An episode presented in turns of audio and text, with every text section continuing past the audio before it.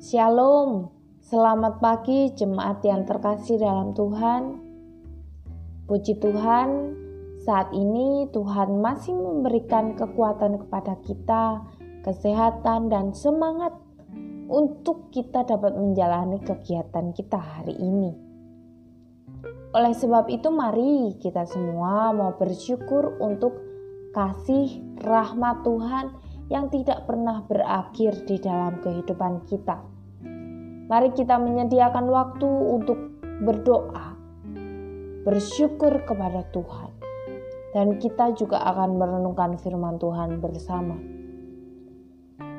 Matius 5 ayat 4 Berbahagialah orang yang berduka cita karena mereka akan dihibur. Matius 5 ayat 4 Berbahagialah orang yang berduka cita karena mereka akan dihibur. Bapak, ibu, saudara yang namanya kehilangan tentu akan dihadapi oleh semua orang. Semua orang akan mengalami yang namanya kehilangan, dan tidak seorang pun berbahagia karena kehilangan. Hidup kita pun tidak lepas dari yang namanya penderitaan, entah itu karena masalah, ekonomi, pergumulan dalam keluarga, kesehatan, dan lain sebagainya itu pun tidak akan membuat kita bersuka cita. Karena kita merasakan beban yang begitu berat di dalam kehidupan kita. Dan kita merasa hidup kita itu menyedihkan, penuh dengan duka cita. Bapak Ibu Saudara, bagi kita, duka cita itu merupakan dampak yang kita terima atas keadaan-keadaan tragis dalam hidup kita, keadaan-keadaan yang malang dalam kehidupan kita, yang sukar di dalam kehidupan kita. Itulah pemahaman yang secara umum digambarkan. Tetapi duka cita yang dimaksud di ayat ini merupakan duka cita yang menjadi dampak dari dosa kita ataupun dosa yang dikarenakan dunia kita ini.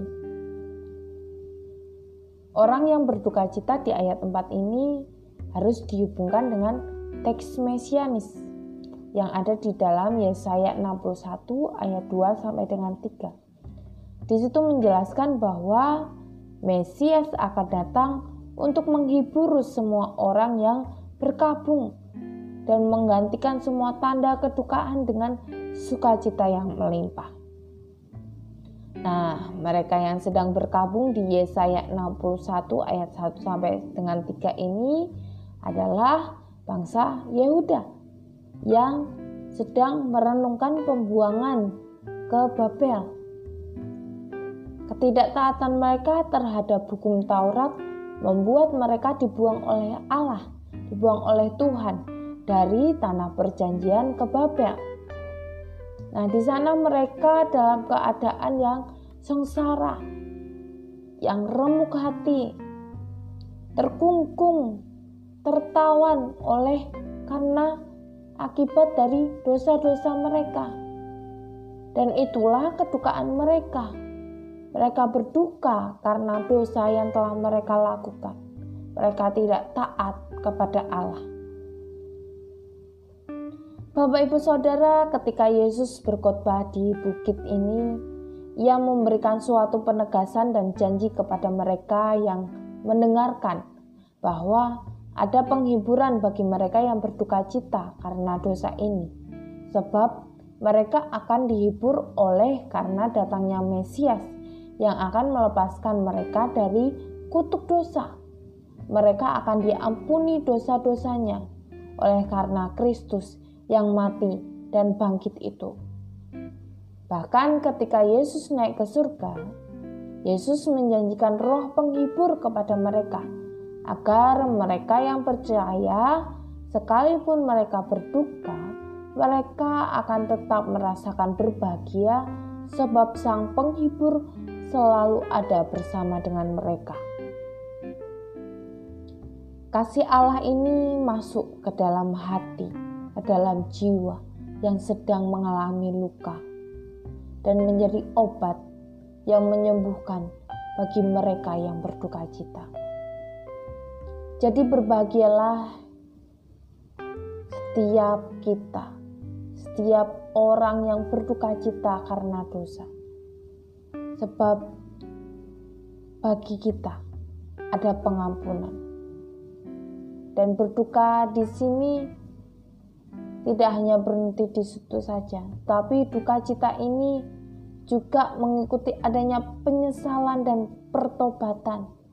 Kita mau meninggalkan hidup dalam dosa karena pelanggaran terhadap perintah Allah.